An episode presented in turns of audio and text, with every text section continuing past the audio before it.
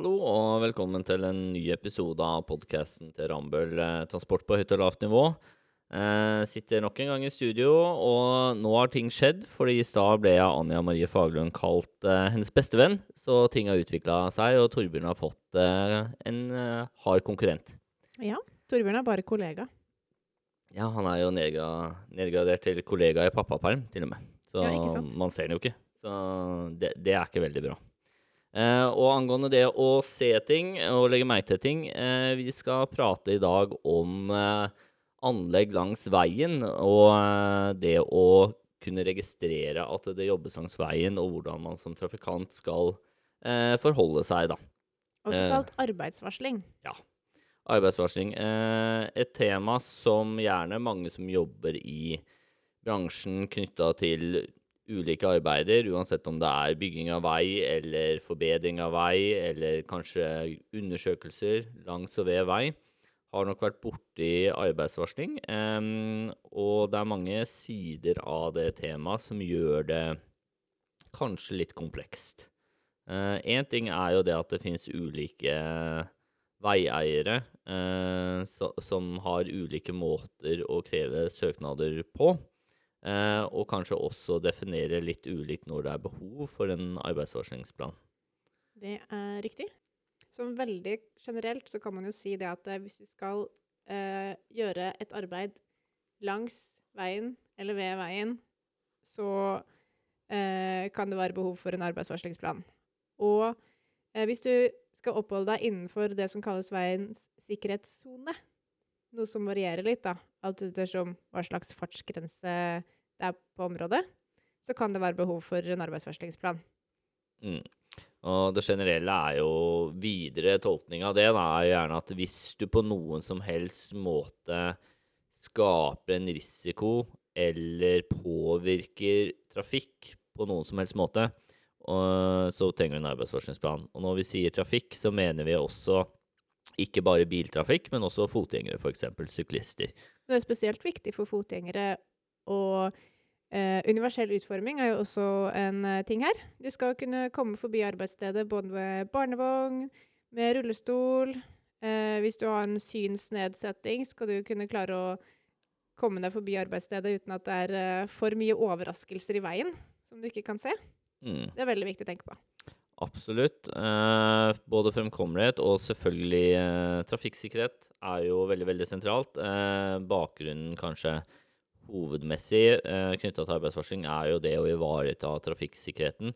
Eh, forklare trafikantene hvordan de skal eh, forholde seg til da, og ferdes. Ikke bare da knytta til det å faktisk komme fram, men, men også gjøre det sikkert. Og det er jo gjort en del undersøkelser knytta til det med trafikksikkerhet ved anleggsarbeider. Eh, og dessverre så ser man en veldig sånn uheldig trend når man ser på de ulykkene som skjer eh, knytta til anleggsområdet, så er det veldig gjerne barn eh, som havner i de ulykkene. Veldig høy andel, og det er veldig knytta til at de ikke klarer å lese den trafikale situasjonen. Noe er endra, de vet ikke hvor de skal plassere seg, sånne ting, og de tror alltid at eh, de andre trafikantene, og også lastebiler, dumpere, klarer å se dem, mens de har gjerne større blindsoner som gjør det vanskelig for dem å se. Eh, så det å få alle disse her ulike perspektivene til å gå opp, er jo en utfordring som man gjerne ser knytta til det med, med veiarbeid. Og det er også en greie hvis du eh, hvis du f.eks. skal gjøre et stort arbeid i nærheten av en skole, så er det veldig viktig å ikke, både, ikke bare sette opp eh, arbeidsvarsling lang, langs veien, men også snakke med skolen og snakke med kanskje barna, til og med. For det blir en ny situasjon for barna når det er på faktisk skoleveien. Mm. Så det kan jo være et forebyggende tiltak. Eh, absolutt. Og nå er det jo naturlig å ta en kort oppsummering av hva som bør være med i en arbeidsforskningsplan. Eh, noe er standard, eh, sånn som det med naturlig nok å, å bare informere eh, om eh, hvor i verden man skal gjøre en jobb, hva man skal gjøre og hvordan. Eh, naturlig nok. Og så skal jo dette her sendes inn eh, til de ulike instansene for å ta imot søknader, og der varierer jo gjerne søknadsprosessen litt. Det har blitt mer og mer vanlig med en sånn søknadsmodul i eh, browser, da, eller nettleser, eh, nå enn det det var eh, før. Eh, det er såpass ulikt mellom de ulike etatene f.eks. som skal ha, ta imot arbeidsvarslingsplanene og søknadene, sånn som ulike kommuner og Statens vegvesen, at det er begrensa hvor mye man kan si generelt om det. Eh, men alle trenger jo den generelle infoen. I tillegg så er jo risikovurdering et krav. Mm. Jeg er veldig god på risikovurdering. Eh, fordi jeg har jo to barn selv. Eh, og som, eh, som mor så er jeg faktisk ekspert på krisemaksimering. Hva kan skje barna mine? Det er alltid det jeg tenker på. Som hvis de skal ut i hagen og leke, så går jeg gjennom eh, De kan falle ned fra et tre, de kan slå hodet når de faller, kanskje de slår hodet i en stein. Altså, jeg, jeg er gjennom alle tingene. Så risikovurdering når jeg skal lage arbeidsvarslingsplaner, jeg syns egentlig er ganske gøy. For da får jeg liksom brukt noe av den den erfaringa der. Ja, men Veldig bra. veldig bra. Eh, hva vil du si er eh, mest farlig? Eh, barn leker eh, hjemme hos deg, eller gå forbi et eh, veianlegg? Det er jo et uh, utsagn om at de fleste ulykker skjer i hjemmet. Uh, men jeg vil si at det er potensielt større fare ved et uh, veianlegg enn det er hjemme i min egen hage. Vi får håpe det, i hvert fall. Eh, og så er det jo noe med tiltak. Risikovurderingen skal jo komme fram til tiltak, og det er kanskje litt flere tiltak i tilknytning til et veianlegg og den risikovurderingen som lages der. Absolutt. Jeg har eh, ikke satt opp et eneste skilt i eh, min hage om eh, hvor barna har lov til å gå eller ikke. Eh, selv om i går så sto jeg faktisk foran en blomsterkasse mens barna løp rundt i hagen, sånn at ikke de skulle slå hodet sitt i kassa. Eh, former for tiltak her, da. Eh, det er viktig å tenke på sikkerheten. Prøve å tenke over hva som kan skje, og tilbake igjen spesielt husk på barn, da. Eh, I knytt tilknytning til veianlegg, og at de ikke nødvendigvis alltid oppfatter ting på samme måte som det voksne gjør. Men det lages alltid en skiltplan i en arbeidsvarslingsplan. Og der er det jo Mange av tiltakene er jo nettopp i den skiltplanen. Em, der viser du blant annet eh, hvor, hvor bilene skal kjøre, hvor, eh, hvor alle gjerdene skal stå, hvor skiltene skal stå, hvordan trafikantene skal oppfatte arbeidet på det stedet. Mm. Så det generelle er jo først og fremst å informere om at det foregår noe uten, utenom det normale. Eh, og så skilles jo gjerne tiltakene inn i enten varsling, eh, ting som skilt type, eh, gjerder og sånne ting, og sikring, som er ting som tåler å bli kjørt på og skal tåle eller forhindre fysiske påkjørsler på trafikanter. Mm. Og noe som også følger med, det er jo en, eh, en loggbok. Det vil si at eh, du, du kan ikke bare sette opp skilt hvor du vil. Og det, det, skal, det skal loggføres både når du setter de opp, og når de tas ned. Du, skal, du, skal ha, du skal heller ikke ha skilt ute langs veien når det ikke er behov for dem. Nei, og det er jo en ting du er inne på der, som er gjerne veldig irriterende for mange trafikanter som eh, kjører forbi anleggsområder, typisk på, på kveldstid, nattestid, hvor det ikke skjer noen ting, og det er rydda, rydda for dagen, og det egentlig ikke ses at det er noen økt risiko, og så står det allikevel oppe skilt med redusert eh, fartsgrense, f.eks. fra 70 til 50. Eh, og det generelle da er at da skal faktisk egentlig fartsgrenseskiltene som angir en midlertidig fartsgrense, fjernes.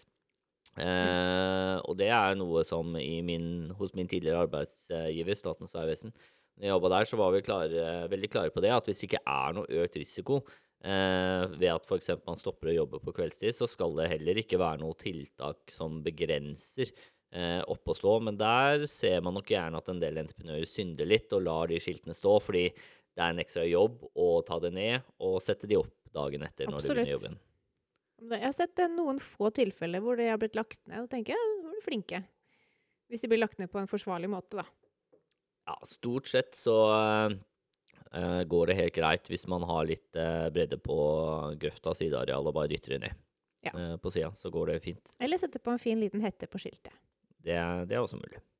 Uh, og så er det jo noe når vi prater om det med de fartsgrenseskiltene spesielt, at de ikke alltid oppfattes av trafikantene slik som det vi som jobber med faget og setter de opp, uh, tenker at de skal. Absolutt ikke. Jeg, jeg har jo da en person i nær uh, relasjon som jeg ikke skal nevne navnet på. Det er mamma. Hun var på roadtrip i sommer med noen venninner. Og de kom over områder med ganske mye arbeidsvarsling. Så da snakka hun med meg etterpå, for de hadde hatt en diskusjon i bilen om hvorvidt man måtte følge de fartsgrensene eller ikke.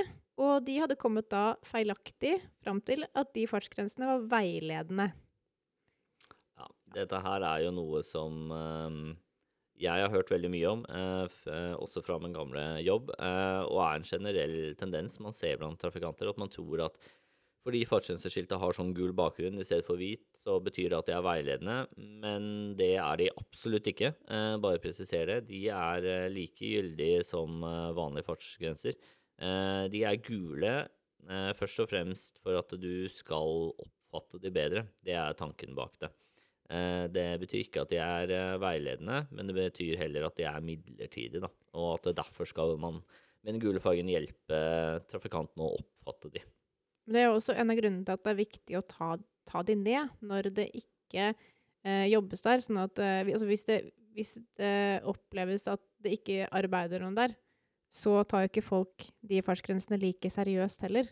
Nei, det er jo en ting man ser, og som det er en generell frykt for da, blant fagfolk, er jo det med manglende respekt eh, knytta til fartsgrenser. Eh, og det gjelder jo ikke bare på arbeidsvarsling, også permanentskilting hvis man setter for lav fartsgrense i forhold til f.eks. de geometriske forholdene eh, rundt på veien, men spesielt ved arbeidsvarsling så er jo det å opprettholde falske lave fartsgrenser, og spesielt som tiltak for, for å unngå dyrere tiltak, er jo Skaper den effekten gjerne da at over tid, og ikke nødvendigvis så veldig lang tid, så mister trafikantene respekten både lokalt på denne strekningen, hvis det er et veiarbeid som varer over litt tid, men også generelt i Norges land. Altså som at man får den oppfattelsen av at eh, ja, men dette kan jo bare være veiledende. F.eks. ved at eh, det virker så unaturlig da, å Mm. holde den lave fartsgrensen som er skilta.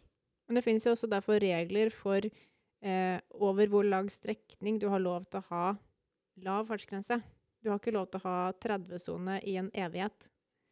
Nei, den er vel uh, makslengden på 30-sone er ved 300 meter, hvis jeg husker riktig. Um, og det handler jo både om at man skal rekke å avvikle trafikken, og det med opprettholdelse av respekt, selvfølgelig. Så det er viktig, viktig poeng. Mm. Uh, videre så er det jo noe med det at uh, penger styrer, som vi var inne på, og fartstjenester kan jo være et veldig sånn kostnadseffektivt tiltak for å ivareta trafikksikkerheten, eh, som er veldig lett å tenke. Og, og da kommer man gjerne opp på andre ulike tiltak som finnes eh, knytta til arbeidsvarsling og hva man kjennetegner. Og én ting er jo skilting og det å sette opp masse reflekser for å føre trafikken. Eh, som er én ting, men vi har jo også det med sikring, som skal eh, forhindre påkjørsel. Og det er jo egentlig veirekkverk. Eh, det finnes to typer sikring. Det ene er eh, langsgående, eh, som er type veirekkverk og skal forhindre at man kjører ut en grop f.eks. på siden av veien, eller kjører på arbeiderne. Eh, og så har man den andre type sikring, som er mer for å forhindre påkjørsel direkte på f.eks. de som jobber ned en grop. Eh, hvis man må bytte kjørefelt, eh, slik at eh, no, hvis noen glemmer den vekslinga eller ikke oppfatter det, og kjører rett inn i et veiarbeidsområde, for å skulle ta opp den energien fra den bilen og stoppe den før man kjører ned i en grøft eller på noen arbeidere, f.eks. Eh, og det å skulle prøve å spare penger ved å skilte ned fartsgrensen i stedet for å sette opp sånn veirekkverk, er sjelden suksess, da, av denne manglende Mm. respekten.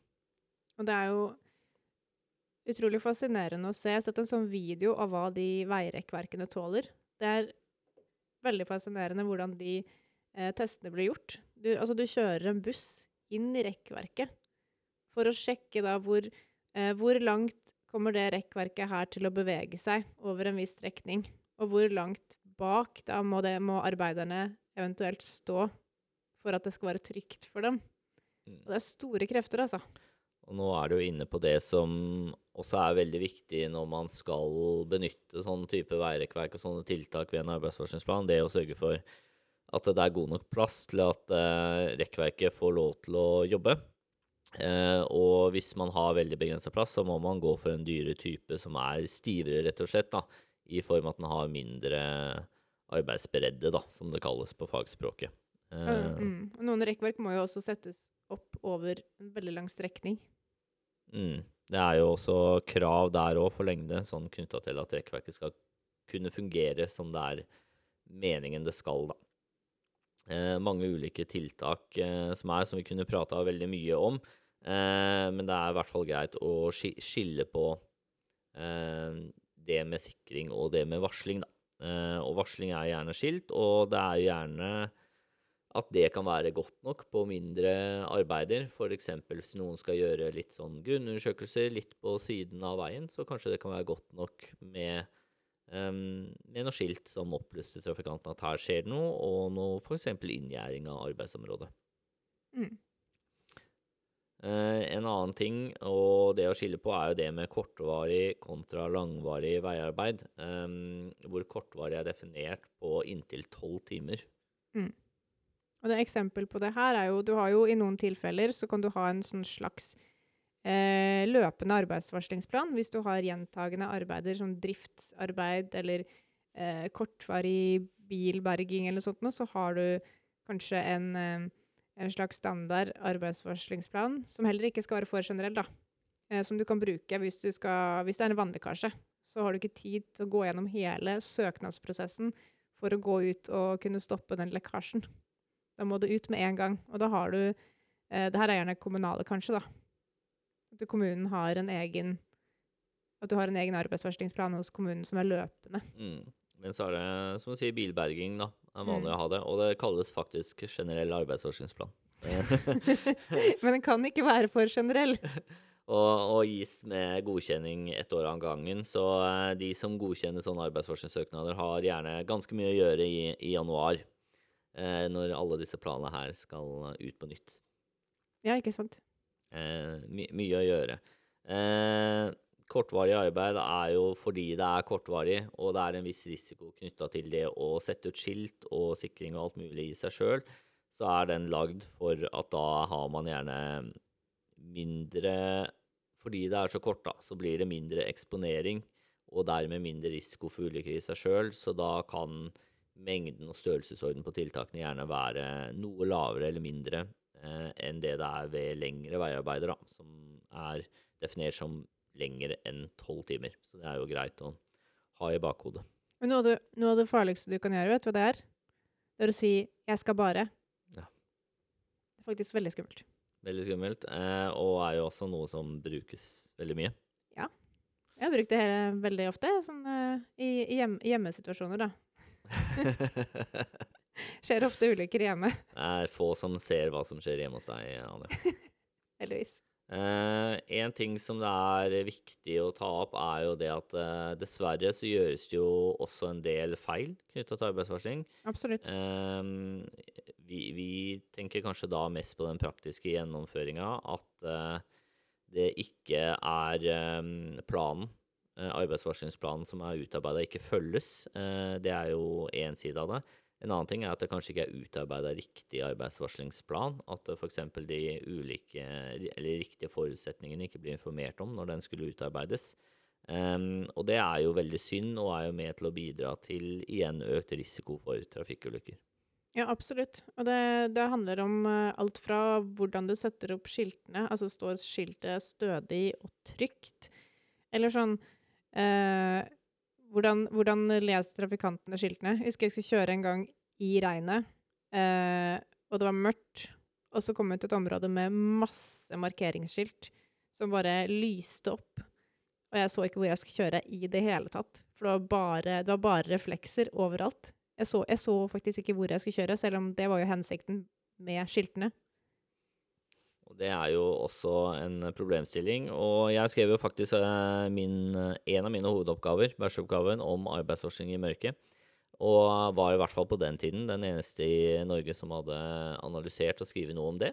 Eh, og fant vel egentlig ut akkurat det at eh, det er ingen som tenker på hvordan anleggsområdet oppfattes når ting er mørkt. Ja, det er veldig viktig. Eh, veldig viktig. Ehm, og med det så ser vi at tiden for denne episoden har eh, strukket til. Ehm, vår kanskje siste, men ikke eneste anbefaling er at eh, husk å ha god tid. Eh, arbeidsforskningsplaner krever planlegging, og det tar tid å utarbeide gode arbeidsforskningsplaner som ivaretar både trafikkavvikling og trafikksikkerhet. Absolutt.